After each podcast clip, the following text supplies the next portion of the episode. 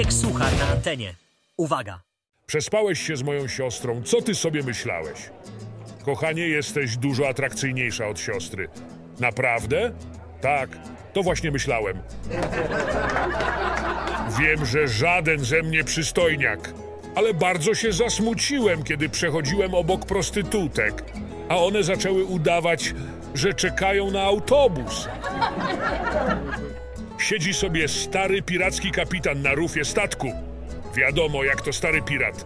Zamiast nogi ma kawałek drewna, zamiast dłoni hak i bez jednego oka. Obserwuje go młody majtek pokładowy.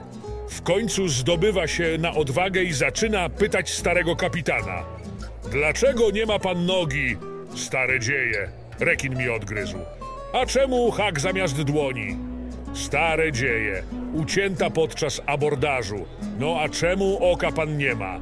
Bo mi mewa nasrała. I od tego stracił pan oko?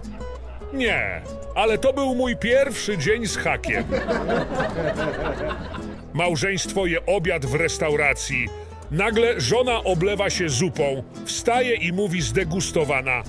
Musimy iść do domu, wyglądam jak świnia. A mąż odpowiada, no i jeszcze się zupą oblałaś.